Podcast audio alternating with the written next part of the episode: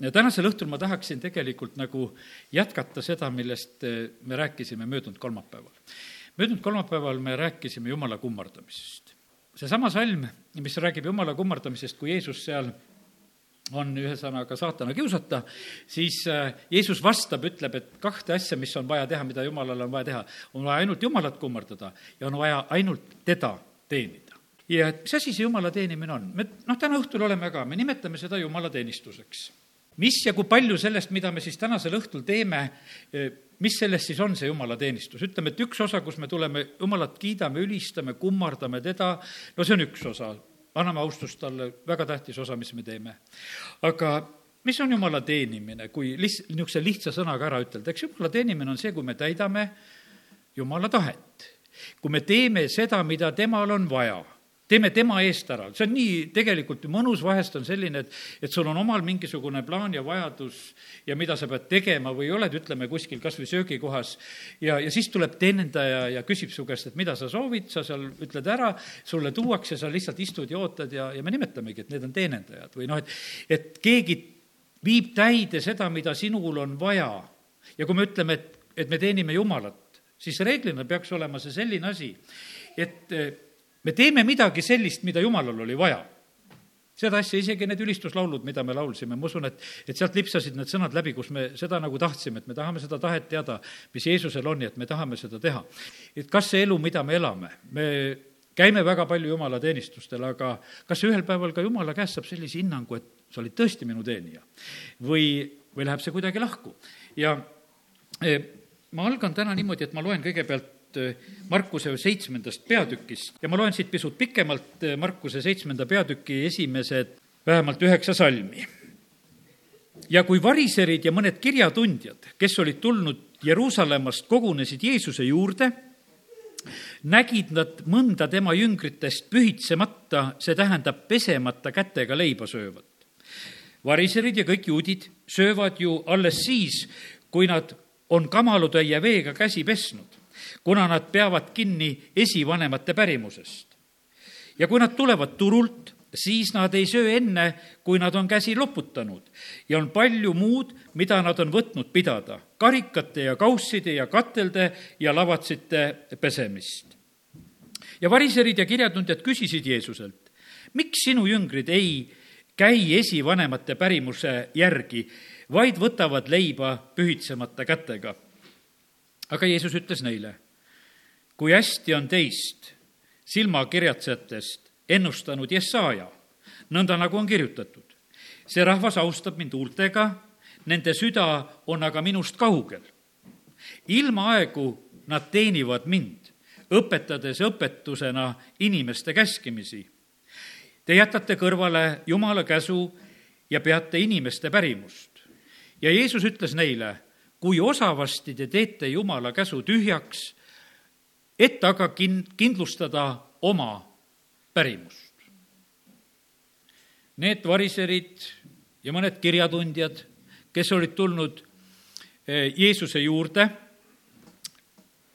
nad olid kindlasti need, kes arvasid, et nemad teenivad väga hästi Jumalat sest nad isegi jälgisid kõiki neid pärimusi ja asju, mida peaks tegema, kuidas peaks käituma, kõik need pesemised asjad, millest oli siin räägitud, nad tegelikult tegelesid eh, nende asjadega väga ustavalt ja hoolega. ja siis nad märkasid seda, et Jeesuse jüngrid söövad, võtavad leiba ja nad ei olnudki oma käsi loputanud ega pesnud.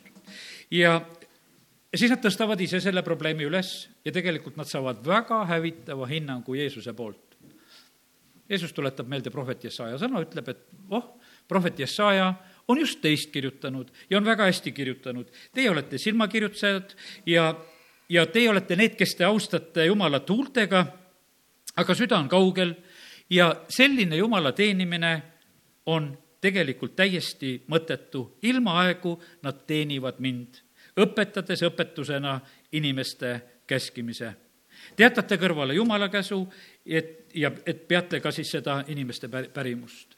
ja eks see on selline eh, kitsas koht tegelikult, eh, ütleme, et kui asi läheb vanemate peale eriti, väga paljude jaoks on selline, et no nii tähtis on eh, see vanemate usk, aga no mis usku nad olid, võib küsida ka, eks, selle juures, et sest et vahest on see niimoodi, et minu vanemad olid selliselt ja selliselt ja võetakse nagu seda asja ülesse. Kui Joosua ühel päeval ütleb rahva ees seda, et, et nüüd valige, keda te teenite, et mina ja mu pere, me hakkame Jumalat teenima, aga valige seda, keda te teenite, kas teisi jumalaid? Keda ka Abraham teenis, keda meie esiisad teenisid, sest Abraham teenis ennem jumalaid, kui ta elavat jumalat hakkas teenima. ja, ja seal oli seal teisel pool jõge need jumalad, keda teeniti. Ja tegelikult me näeme, et kuidas Joosua ka torkab seal, ütleb, et kuule, et, et isade jumal oli see, hoopis teised jumalad hoopis teised nikerdused, mida nad teenisid. aga nüüd on valik, kas te teenite elavat jumalat või mitte. mida meie teenime, kas me teenime mingisugust pärimust, kas me teenime mingisugust niisugust noh, ütleme, harjunud viisi ja korda, mis on kuidagi tulnud ja me arvame, et see on tegelikult jumala teenistus. võib-olla sellised mõned eh, kohad, mis mul tulid meelde siin ja võtan kõigepealt siin veel kohe Jakobuse appi, Jakobuse esimene peatükk ja kahekümne seitsmes salm.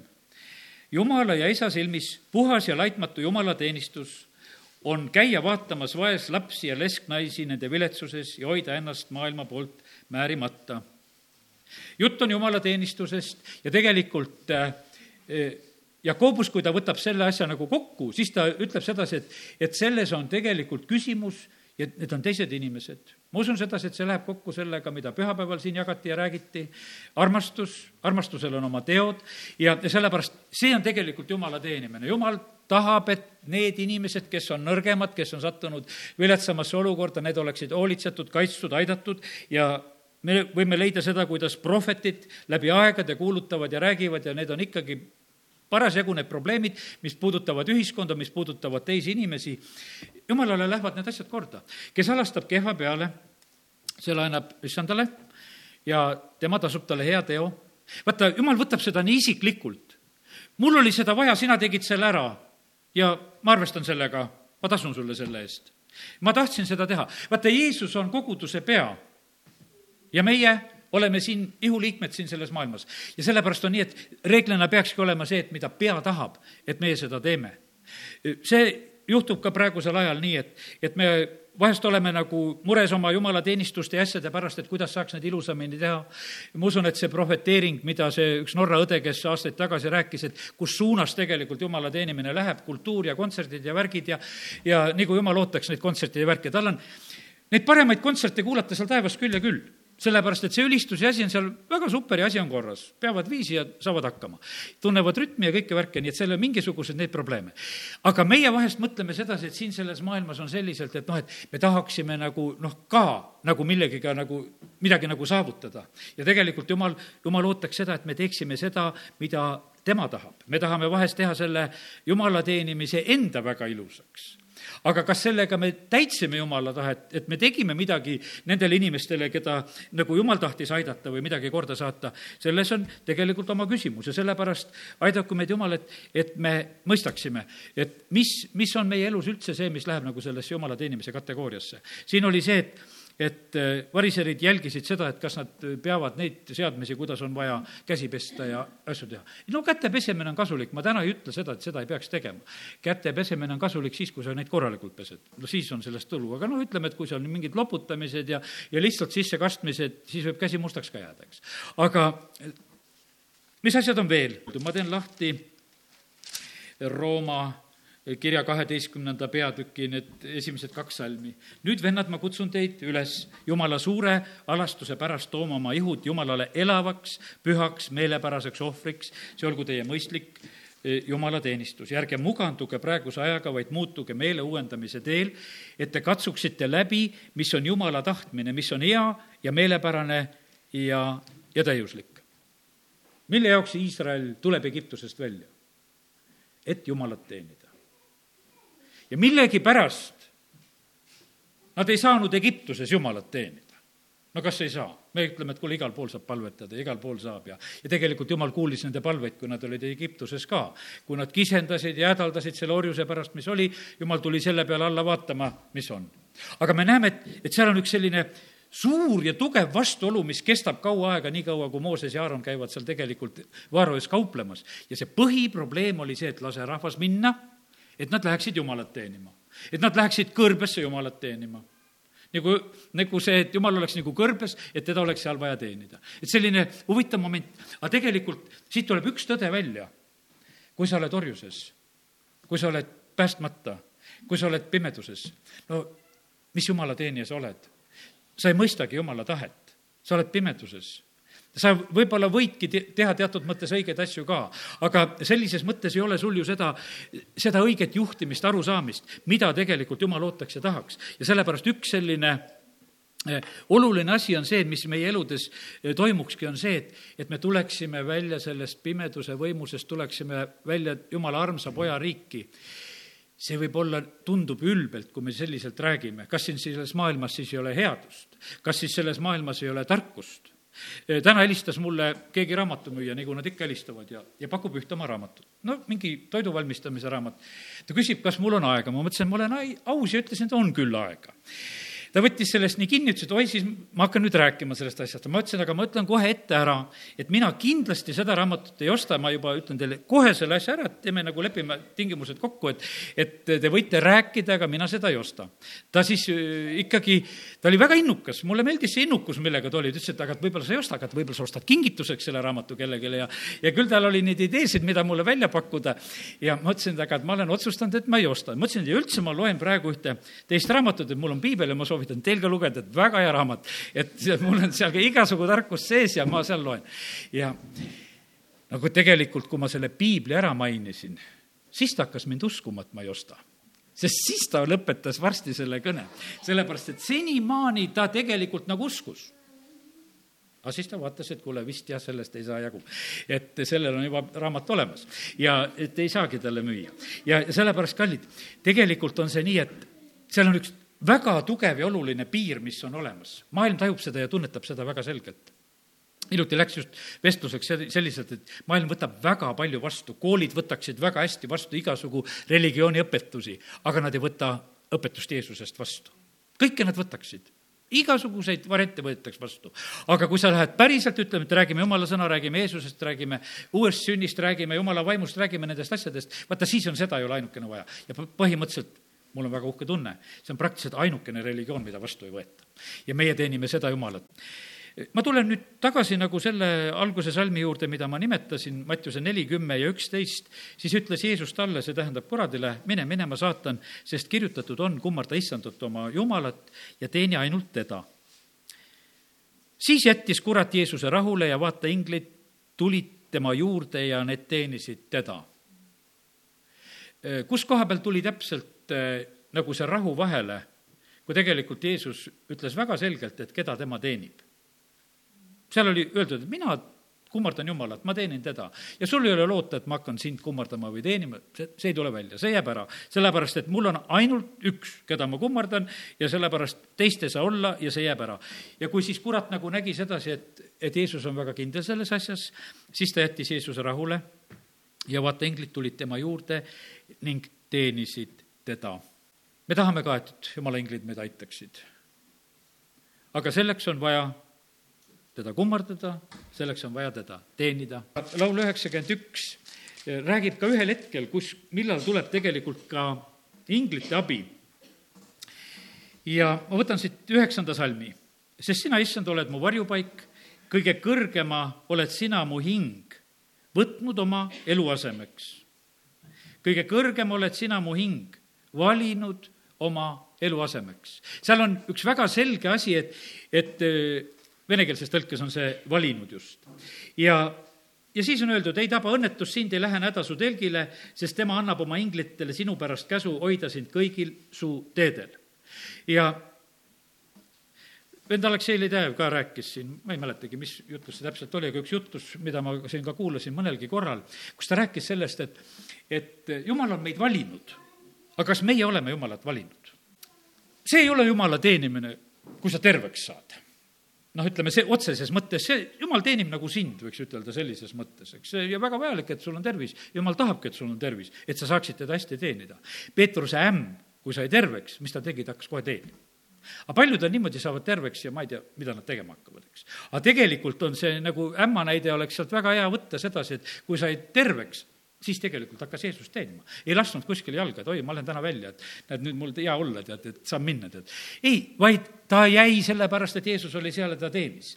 ja, ja sellepärast, kallid, me peame nagu ära tabama seda, et, et osad asjad, mida me tegelikult, kui me jumala riigi ümber nagu käime ja oleme, me saame osaks, meil on tegelikult palju õnnistusi, millest me võime osa saada.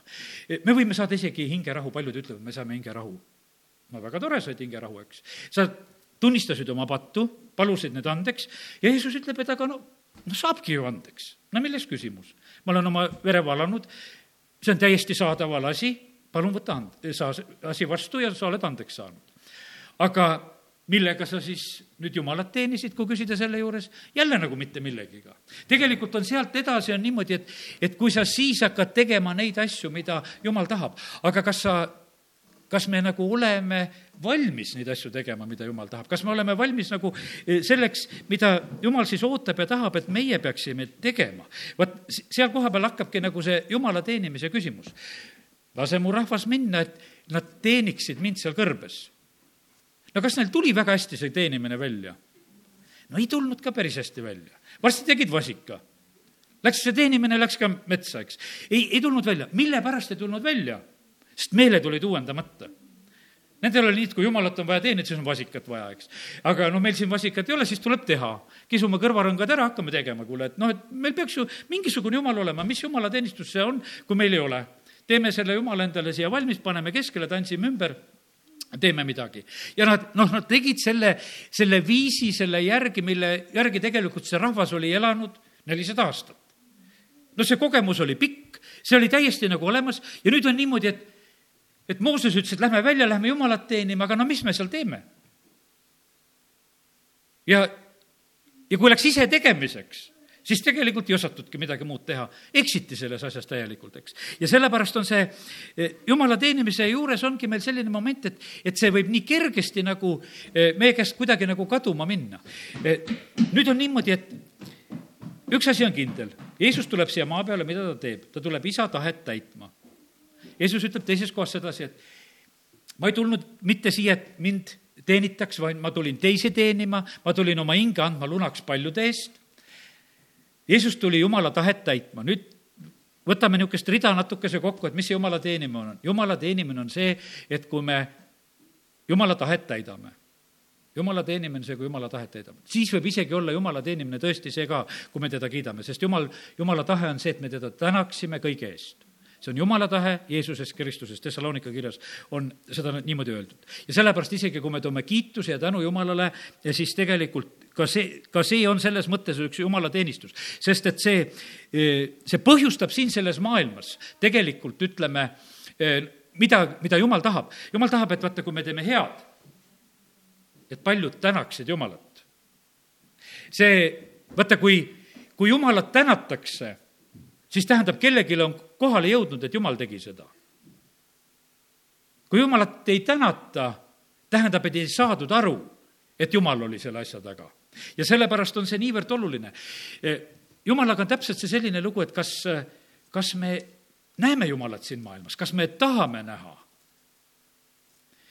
Vend Aleksei Ledejev käis hiljuti ka oma jutlustest, ta räägib välja, kus ta on käinud, ta käis observatooriumis, käis vaatas taevatähti, käis vaatas planeete ütles, et Lätis see üks observatoorium, kus ta seal käis, kuuekümne teisel aastal ehitatud, ütles, igavene võimas pilt vaadata, milline on taevas ümberringi, noh, kuule, augustikuu, päris hea vist on vaadata.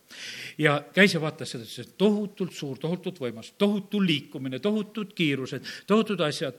E, nii võimas Jumal, nii võimas Jumal, keda ei mahuta see võimsus, mida me võime inimesena kuidagi näha, see tegelikult hoolib meist eks.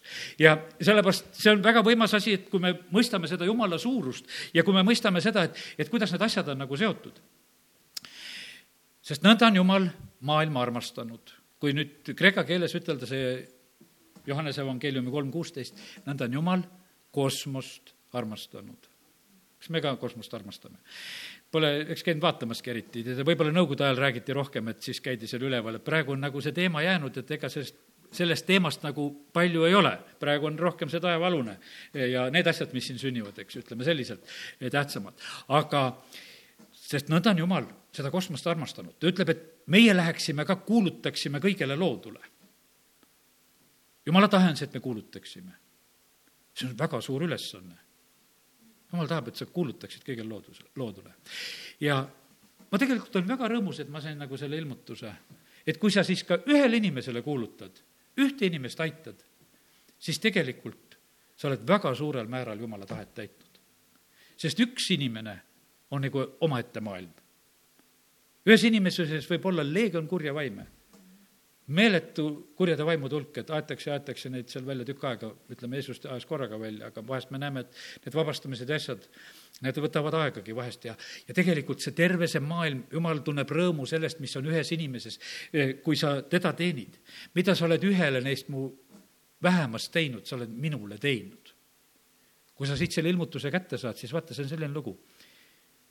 kui sa tegid ühele siis jumal ütleb, sa oled minule teinud. aga milline on sinu jumal? ma ütlesin, ta on nii suur, keda terve see universum ei vahet, mahuta. kas sa oled nii palju siis teinud, eks? sa oled minule teinud, sa oled nii suurele Jumale teinud. tema tunneb sellest rõõmu ja sellepärast, kallid, see, mida meie tegelikult nagu tegema peame, see ei ole meie jaoks nagu, kuidas ütelda, ületamatu ülesanne. ja aga Jumal võtab seda nii suure ja nii tähtsana tegelikult, kui me oleme midagi teinud. nii nagu see alastaja samaarlane, eks, kes peatub selle ühe inimese juures, see näide, eks, mine ja tee sina nõnda samuti, eks. et see on sul ligemine. ja, ja sellepärast on see nii, et kui sa saad nagu selle pildi, et, et sa võid elada oma elu, sa täidad nagu teatud ülesandeid ja sa, sa oledki tegelikult Jumala eh, väga suurtes plaanides ja sa sa oledki tegelikult Jumalat teeninud ja sa oled nagu sellesse sisse saanud ja sellepärast tunne nagu rõõmu sellest, et Jumal paneb kõiki neid asju tähele vahest meil jääb teenimata Jumal sellepärast, et me ootame neid suuri asju, et millal me hakkaksime neid suuri ja vägevaid asju tegema. eks, aga ei teagi, kas tuleb.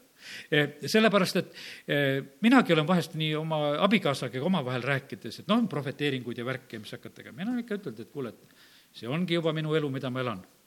Et ma võtan neid päevi, mis mul on praegusel hetkel, et ma ei ela ainult mingisuguses unistustes ja tulevikus, vaid et ma võtan täiesti teadlikult, et need päevad ongi juba tegelikult minu käes, mida ma tarvitan ja nii hästi, kui ma olen tarvitanud, nii hästi ma olen Jumalat teeninud ja teinud, sellepärast et, et mis ma loodan, et kunagi ma tulevikus hakkan midagi tegema. me peame katsuma neid hetki, mis on meie käes tarvitada. me ei tohi ära unustada, need unustamishetked võivad tulla ka Iisraelil oligi see, et kui nad said juba tõotatud maale, siis tegelikult me näeme seal, ütleme, edasi läheb ju see lugu, et rahvas üldse taganeb jumalast, Jooso järgne põlvkond üldse taganevad jumalast, võitlust oli, unustatakse jumal üldse.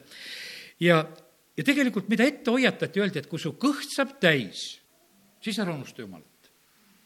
tühi kõht on samamoodi ohtlik asi tühi kõht on selline, et näed, et, et lähed selle emme eest, müüd oma esmasünniõiguse ära, eks. kõht on tühi ja, ja sa teed vale otsuse. kõht on täis, unustad viies Mooses kuus ja kaksteist ja neliteist, seal on öeldud, siis hoia, et sa ei unusta issandat, kes tõi sind välja Egiptuse maalt orjuse kojast. karda issandat, oma jumalat ja teeni teda ning vannu tema nime juures. ärge käige teiste rahvaste jumalate järel, kes asuvad teie ümber. ja, ja teate, mis see teenimine tähendab? teenimine tähendab, teenimine tähendab tööd, vaeva, otseselt teenimist, olla orjaks, alistuda, võtta enda peale ülesandeid ja, ja täita neid siis, teenida no ma ei tea, ma täna ise neid asju mõtlesin veel niimoodi, mõtlesin, mis asja me üldse mõtleme nagu sõna teenimise all, no mõtleme, et mingi teenija kuskil, vanasti olid sulased ja teenija tüdrukud kuskil, eks. meil on jäänud eh, meil mingisugune selline ütlemine, võib-olla praegusel ajal vähem, aga et ma lähen raha teenima. me mõtleme selle, seda, et noh, ma lähen teen tööd ja ma saan palka. ja, aga me nimetame, et me teenime raha. kui nüüd et täna räägime jumala teenimisest ja raha teenimist, Jeesus ütles, et kuule, et mammonat ei tasu teenida. Sest et kui su eesmärk on nagu raha, siis sul ongi silmad on nagu selle raha peal ja sa teenid seda sa nagu ainult rehkendad seda. ja see on vahest noh, niimoodi, teed tükitööd ja, ja mäletan omastki elust, et täpselt teadsid, et lugesid kopikaid, et juba nii palju tead, eks, et kui ma veel teen, siis on mul nii palju ja siis on nii palju, siis on nii palju, noh. ja, ja kogu aeg see rahanumber ainult tiksus, seal oli. ja ja see võiski olla nagu just see niisugune raha teenimine, et sellises teenimise mõttes, aga jumal ütleb, et, et kui sul läheb hästi, kui ma olen sind õnnistanud, sest tegelikult on, meie eludes on ikkagi ju väga palju seda, kus me saame Jumala õnnistusi, siis tegelikult ei tohi ära, ära unustada Jumalat. ma võtan viiendast Moosesest veel. viies Mooses kümme, kaksteist, seal on Jumala nõuded. ja nüüd Iisrael, mida nõuab issand su jumal sinult muud, kui sa, et sa kardaksid issandat jumalat, käiksid kõigil tema teedel, armastaksid teda ja teeniksid issandat oma jumalat kõigest oma südamest, kõigest oma hingest. seal on öeldud need äh, olulised asjad, mida peaks tegema. et sa peaksid tema käske, seadusi, mida ma täna sulle annan, et su käsi käiks hästi vaata, issand oma jumala päralt on taevas ja taevaste taevas, maa ja kõik, mis äh, seal on. ja nii need jutud siin lähevad, et sellist jumalat me teenime. aga ma tulen selle kümnenda peatüki veel kaheksanda ja üheksanda salmi juurde. Mõtleme korraks niimoodi, Uus Testament ja Vana Testament lähevad ühe koha pealt kokku, see Leevi suguharu ja, ja meie, kes me oleme Uue Testamendi päästetud, tegelikult me oleme samas positsioonis ja samas ülesandes. ja viies Mooses kümme ja kaheksa ütleb nii, sel ajal eraldas issand Leevi suguharu kandma seaduse laegast, seisma issanda palge ees, teenima teda, õnnistama tema nimel kuni tänapäevani. Sellepärast ei ole Leevil osa ega pärandit koos vendadega, issand on tema pärisosa, nagu issand jumal on temale öelnud. mis on meie osa? meie osa on, mida teha? kanda seaduse laegast, kuulutada sõna, viia seda selles maailmas edasi. meie osa on seista issanda palge ees, oleme palves koos, see on jumala teenimine. Ta otsib seda, kes oleksid, kes seisaks müüripraos maa heaks, eks, et jumal saaks aidata meid.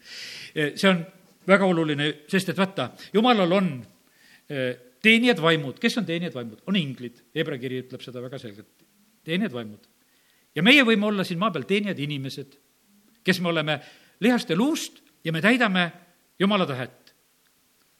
teenijad vaimud ja teenijad inimesed. Sa võid olla Jumala teenija, kes sa täidad seda ülesannet. sa pead ol-, kandma laegast, sa pead seisma issanda palge ees, teda teenima ja õnnistama tema nimel. ma tulen selle õnnistamise juurde veel nüüd korraks, teenimisest me juba siin räägime täna ja räägime veel õnnistuse sõnad, need on ju lihtsalt sõnad. aga jumal õpetas, ütles, et, et nõnda tuleb Iisraeli rahvast õnnistada, need Aaroni õnnistussõnad. nõnda pandagu minu nimi nende peale. Seal oli jutt sellest, et jumala pale paistaks peale e, mitu korda ja seda, seda õnnistust tuli soovida, seda tuli välja rääkida. täpselt see samamoodi oli niimoodi, et näed, et, et e, Jeesuse juurde tuli lapsi, et ta neid õnnistaks ja me teeme sedasama ja jumal on see, kes õnnistab, aga meie peame need asjad tegelikult välja, välja rääkima, et me, suust tuleksid need asjad välja. oli perekond juba, ütleme, vara, varasematel aegadel, suur pere, kus lõpuks oli palju lapsi, aga neli esimest last surid. ja siis, kui mees võttis kätte, läks kloostrisse, Petserisse, läks palvetama, siis sealt edasi enam lapsed ei surnud, tuli õnnistus ennem kurat tappis, hävitas ja siis tuli see piir vahele. me vajame tegelikult jumala õnnistust, jumal on seatud meid, et me oleksime siin selles maailmas kes me kanname seda seaduselaegast, kes me kanname seda tõde.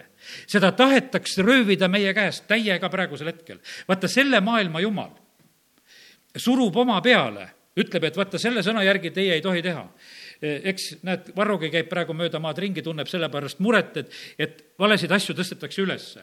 sest selle maailma ju, jumal surub peale, et need asjad tuleks kõrvaldada.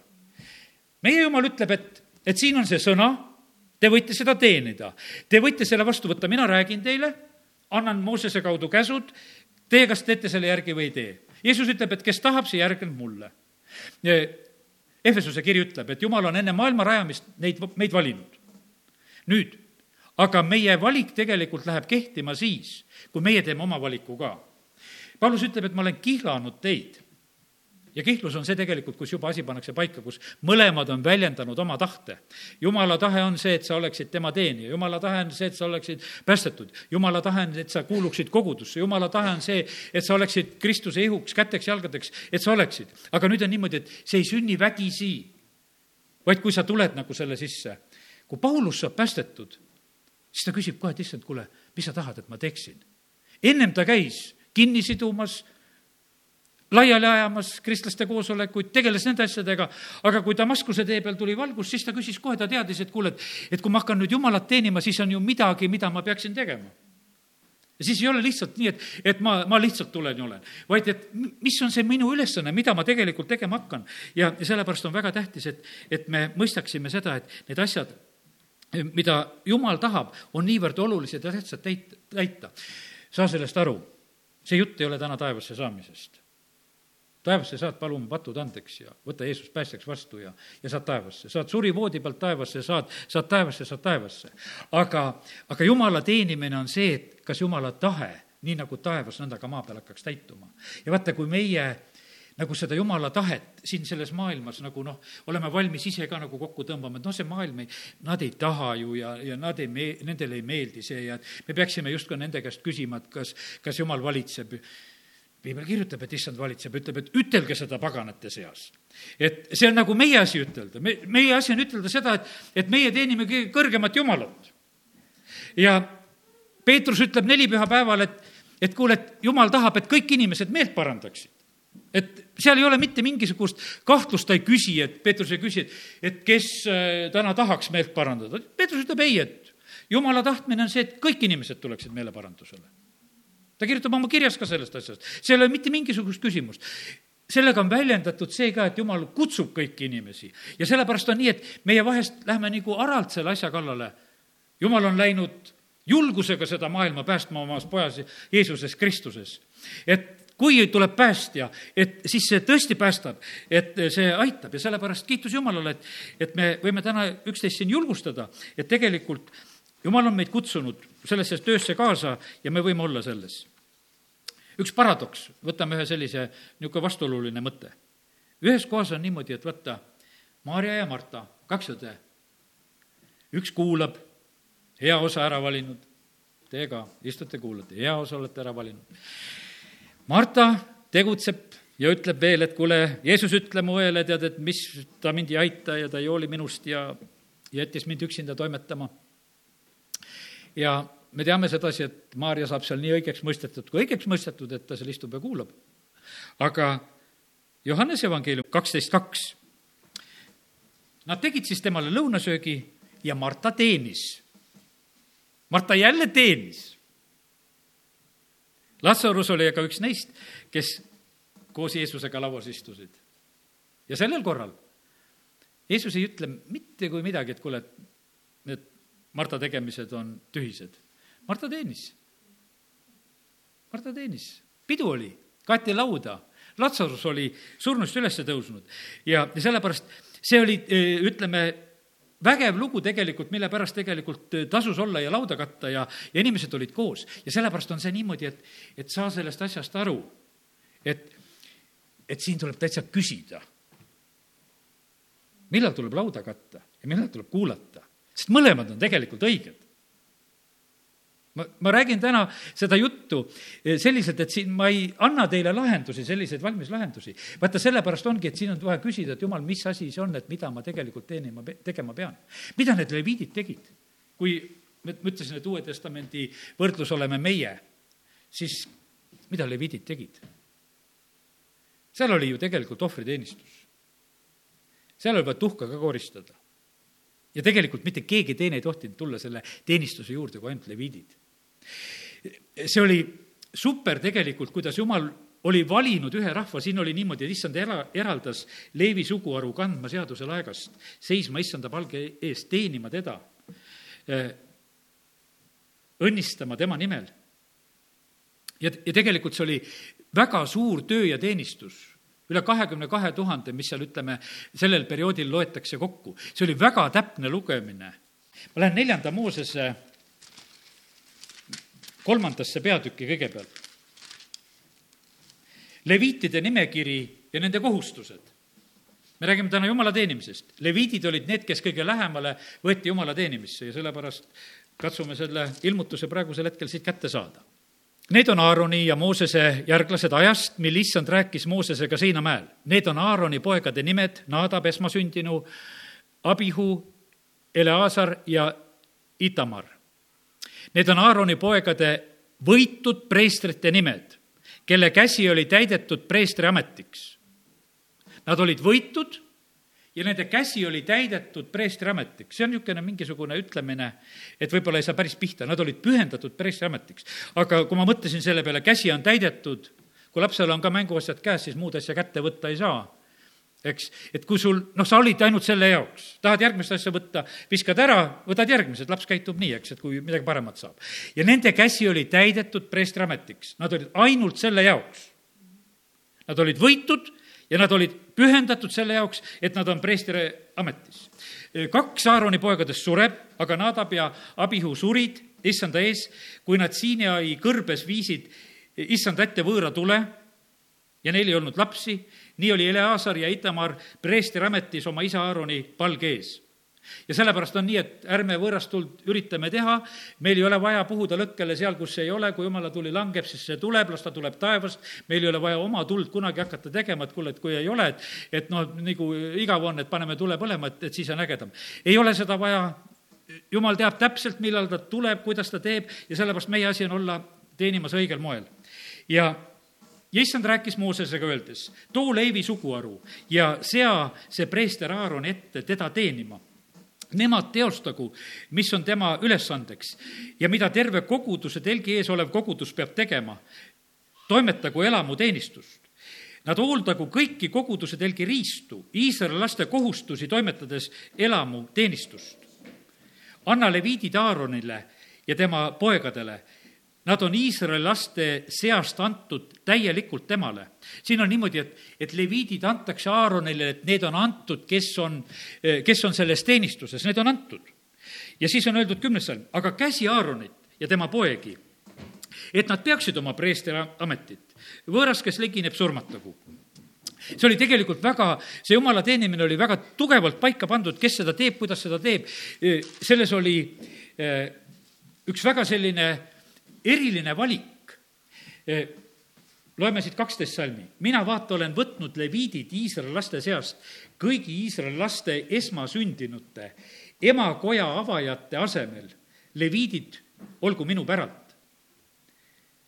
sest minu päralt on iga esmasündinu päeval, mil ma lõin maha kõik Egipt-, e, kõik esmasündinud Egiptuse maal, pühitsesin ma enesele kõik esmasündinud Iisraelis, nii hästi inimesed kui loomad.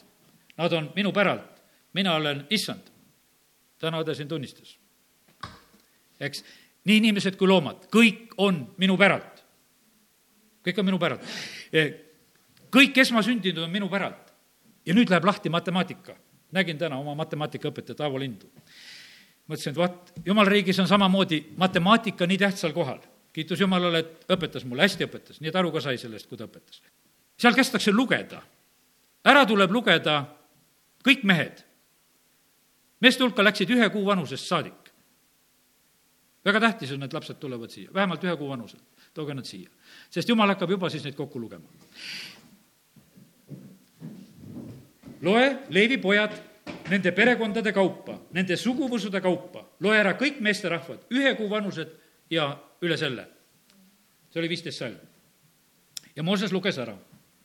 siis edasi ma ei loe siit praegusel hetkel neid ülesandeid, seal on need tööd mida Gersoni pojad pidid tegema, kakskümmend viis salm.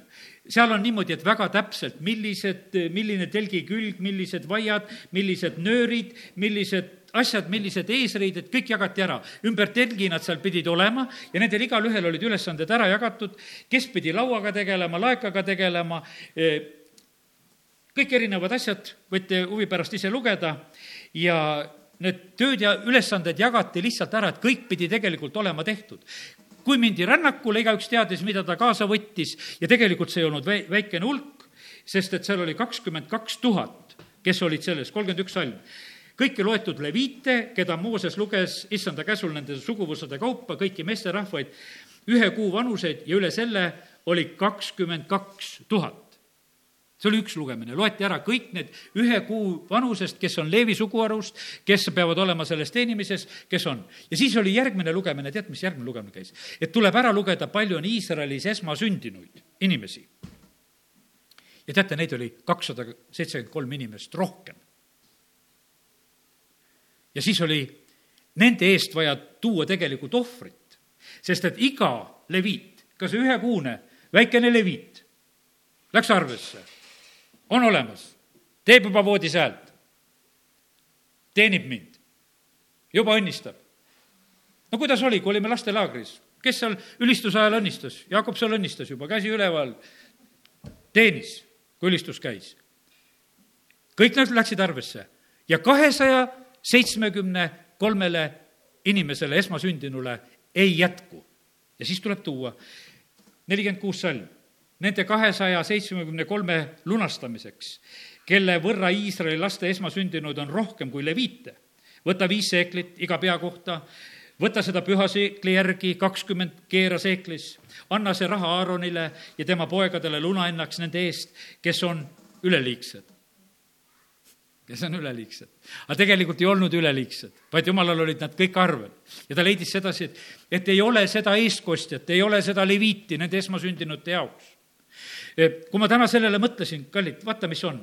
Hebra kiri räägib, et, et me oleme see esna, esikpoegade kogu. me oleme tulnud selle juurde.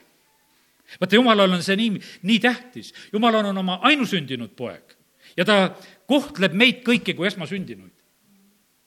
kõik leviidid noh, ütleme, esmasündinud, vaata, kuidas, millist matemaatikat nad seal kokku pidid tegelikult panema. ja, ja sellepärast kiitus Jumalale, et, et Jumal neid asju meile tegelikult avab oma sõnas. Ja meid on kutsutud tegelikult niimoodi teenima, me oleme tegelikult Jumala jaoks nii arvel. Ja sellepärast on kallis, kui sa saad päästetud. Siis ei ole see noh, ütleme Jumala jaoks mitte mingisugune niisugune tühine asi, vaid ta arvestab sinuga. kuu aega seda noorteaega, eks, ja siis juba pead olema juba pead olema.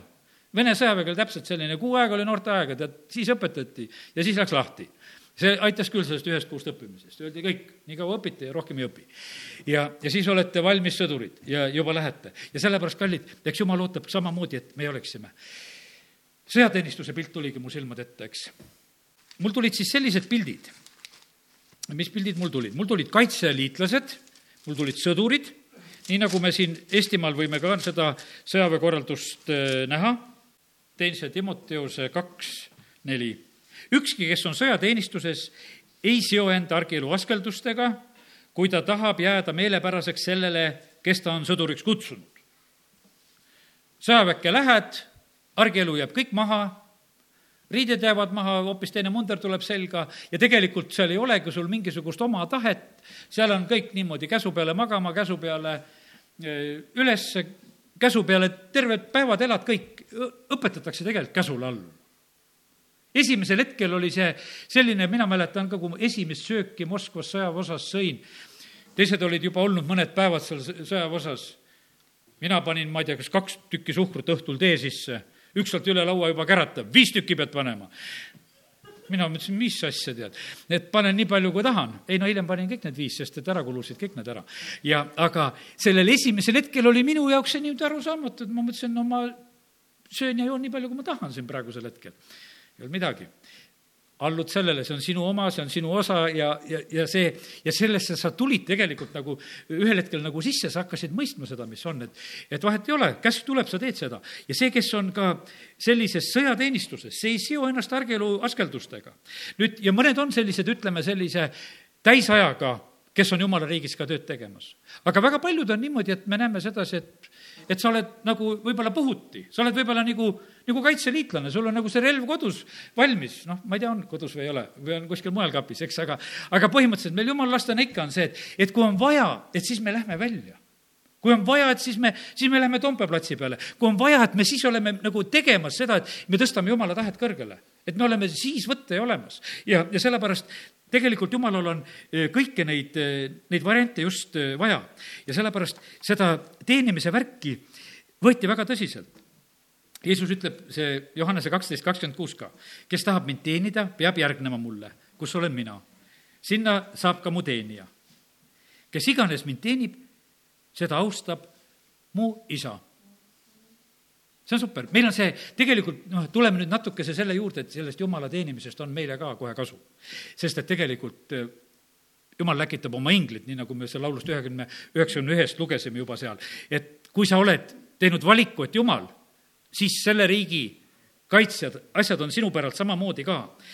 ja, ja sellepärast jumal käitub niimoodi, et kes, kes teenib Jeesust, jumal ütleb, ma austan, ma austan. ma usun seda, et kui keegi teeb sinu lapsele midagi head, tead, see teeb sooja tunde, sa austad mul on ka juba pojad suured, teevad erinevaid asju. vahest, kui näed, et sedasi, ma tean, et see on mu poja sõber, et ta toetab, aitab teda. no mismoodi ma siis teda vastu võtan, naeratusega võtan õnnistusega võtan, ma tean sedasi, et kuule, ustav ja hea, halleluuja, tead, las olla. tead, et see, see on tore, et sellised inimesed on olemas. ja, ja sellepärast on jumal täpselt samamoodi, ta vaatab, et, et kes, kes on Jeesust teenimas. E, seda hakkab isa austama.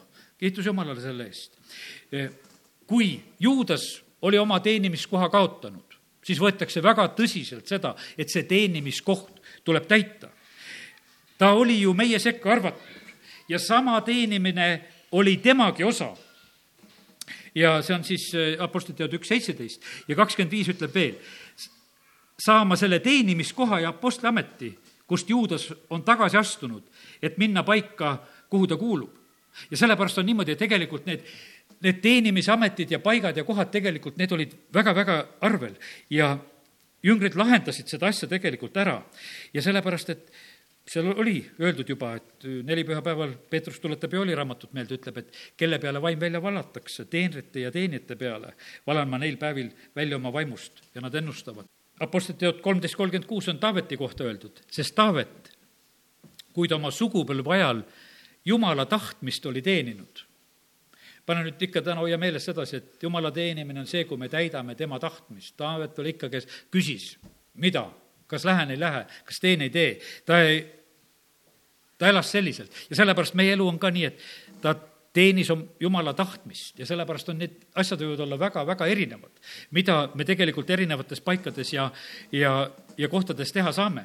ja sellepärast, kui sa oled e, Jumala riigis, siis tegelikult tasub küsida seda, et Jumal, et, et kes ma olen? kas ma olen see, kes ma tegelikult sinu käest tahan, sinu käest neid asju saada? või olen ma ka see, kes sind kummardab ja kes sind teenib et kellega sa saad arvestada, et need asjad lähevad äh, nagu korda, need asjad sünnivad, saavad kõik tehtud. et ma olen tegutsemas, see on see diakoonia, on see teenimine ja, ja liturgia on avalik teenimine. meie, meie jaoks on need asjad saanud nagu sellise, kuidas ütelda, need sõnad on saanud nagu omapäraseid tähendusi, aga tegelikkuses on need, need asjad tegelikult väga omal kohal et on need, kes tegelikult teenivad, kes, kes avalikult teenivad ja näiteks Rooma neliteist kaheksateist on üks selline salm. sest kes sel kombel teenib Kristust, on Jumalale meelepärane ja tunnustatud inimeste poolt. noh, tahaks ju väga teada saada, et kuidas siis niimoodi olla. teate, me võtame kontekstist neid salme ilusasti välja. meile meeldib sealt eh, Rooma neljateistkümnendast peatükist väga see, eh, milline on Jumala riik, eks. meile meeldib seda, et et jumala riik ei ole ju söömine ega joomine, vaid õigus, rahu ja rõõm pühas vaimus ja me kõik tahaksime, Jumal, meile rõõmu, meile rahu ja meile püha vaimu ja meil on asi lahendatud. me käisime jumalateenistusel ja Jumal, anna sina meile rõõmu, anna sa meile rahu ja anna püha vaimu. nii, aga kui me loeme seda, eh, millest see tegelikult jutt käib, jutt käib selles peatükis toidust. viisteist salm aga kui su vend saab toidu pärast kurvaks, siis sa ei käi enam armastuse järgi. seal oli niimoodi, et söömise värk, ühed söövad ühtemoodi, teised teistmoodi.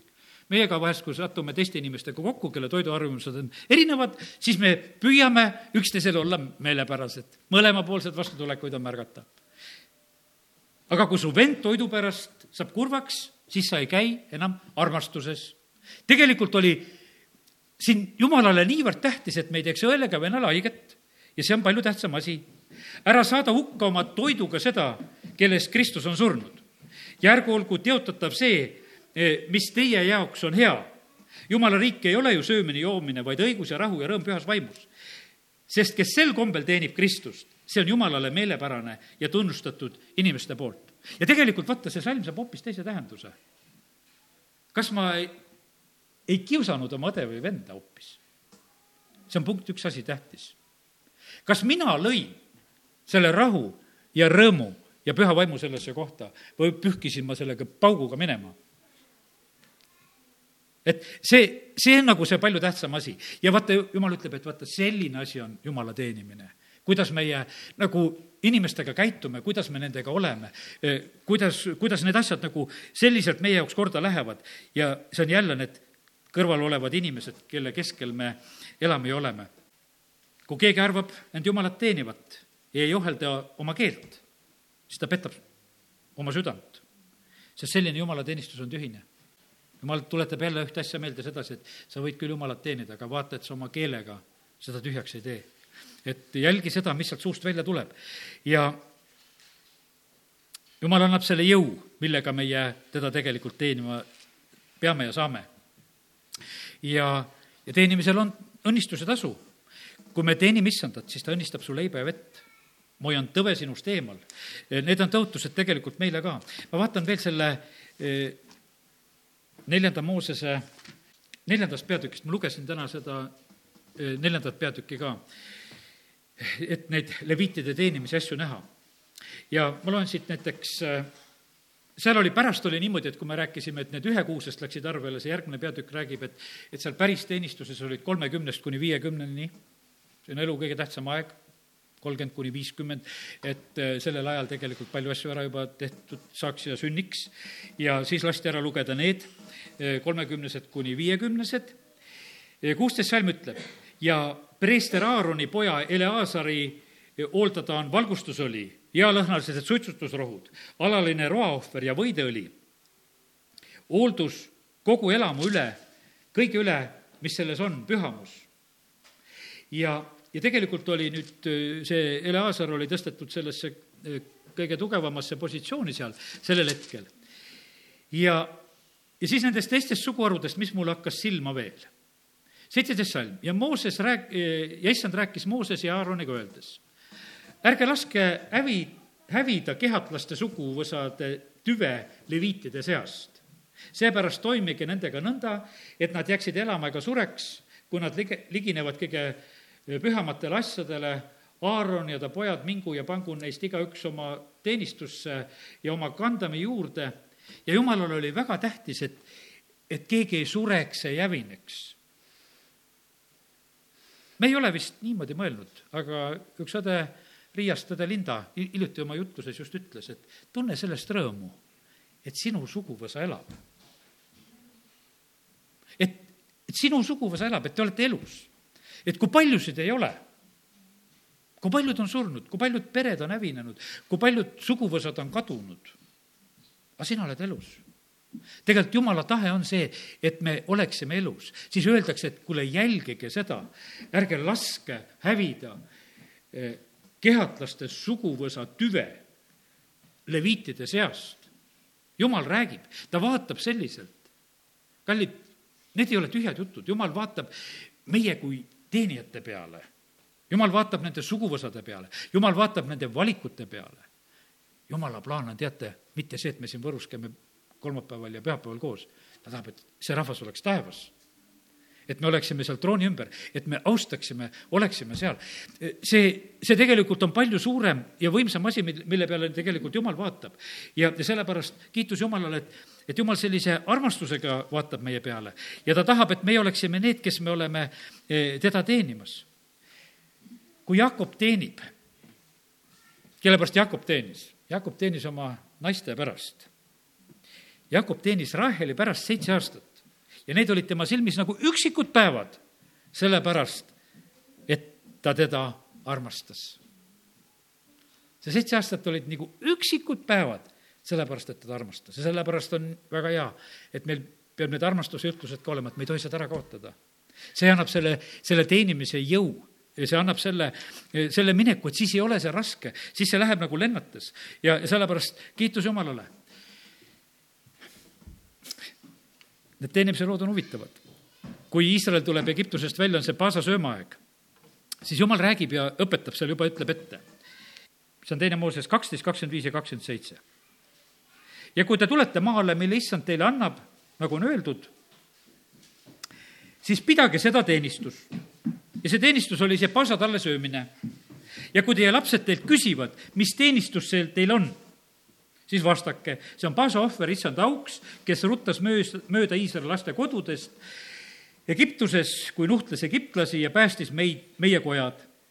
siis rahvas kummardas ning heitis silmilli maha ja, ja siis on niimoodi, et jumal tahabki tegelikult, et see teenimine oleks ka silma ees. meil on võib-olla see Uue Testamendi ajal, kui me jagame leiba ja karikat. Mul on hea meel tegelikult, et me praegu tarvitame nii, et me teeme seda jumalateenistuse ajal. et see tekitaks nagu selle küsimuse, oli aeg, kus me pidasime jumalateenistuse, ütleb, nüüd on liikmed ja need, kes on nii et jääge kokku ja, ja, ja pool rahvast läks minema, ütleme, ja oli selline. aga tegelikult see peab olema niimoodi, et kui seda süüakse, et teised küsivad, aga mis teenistus see teil on? miks te seda läksite, ega te sellest ju kõhtu täis ei saa, aga mille pärast teil see nii tähtis on, et te seda teete? miks te seda teete? see peab tekitama nagu selle küsimuse. See peab tekitama selle küsimuse, mis asi see on? ja see on niisugune tähtis asi, et te teete seda, kuni issand tuleb. see on see teie liturgia. see on üks selline avalik asi, mida te teete, mida te teete ja sellepärast ära, ära võta mitte kunagi tühiselt sedasi ka, tah, tead, see leiva murdmine või, või issanda laud või noh, mis asi, no on, ei ole ei. tegelikult jumal paneb väga tähele, et kes oli. kuule, kui on sinul sünnipäev ja kui sul tulevad külalised, nagu tähtis oli, kes tulid. ja vahest võib-olla mõtled, aga miks ta ei tulnud? jumal on samamoodi tähtis. kes tuli? kes teenis? kes oli lauas? kes oli ennast sättinud? kes oli ilusti, kes oli rännakuriides? kes oli oma parimaga, kes tuli, kuidas tuli? presidendi vastuvõtte, neid pildistatakse ja võite igal puhul neid vaadata, eks, et, et kes tulid, keda kutsuti meid kutsub kõige kõrgem. ta jälgib sedasi, kes tulid, kuidas tulid, kuidas osa võtsid, mis oli. ja sellepärast tegelikult see ongi see, see on see meie, meie teenimise osa. ja, ja sellepärast kiitus Jumalale. Jumal tahab, et meie teeniksime. ja tead, ma ütlen sedasi, kui sa ei ole veel vaenlase käest pääsenud, sa ei ole üks õige Jumala teenija veel sest vaata, orjuses sa ei saa teenida. sa pead tulema välja sealt Egiptusest. ja Luuka üks seitsekümmend neli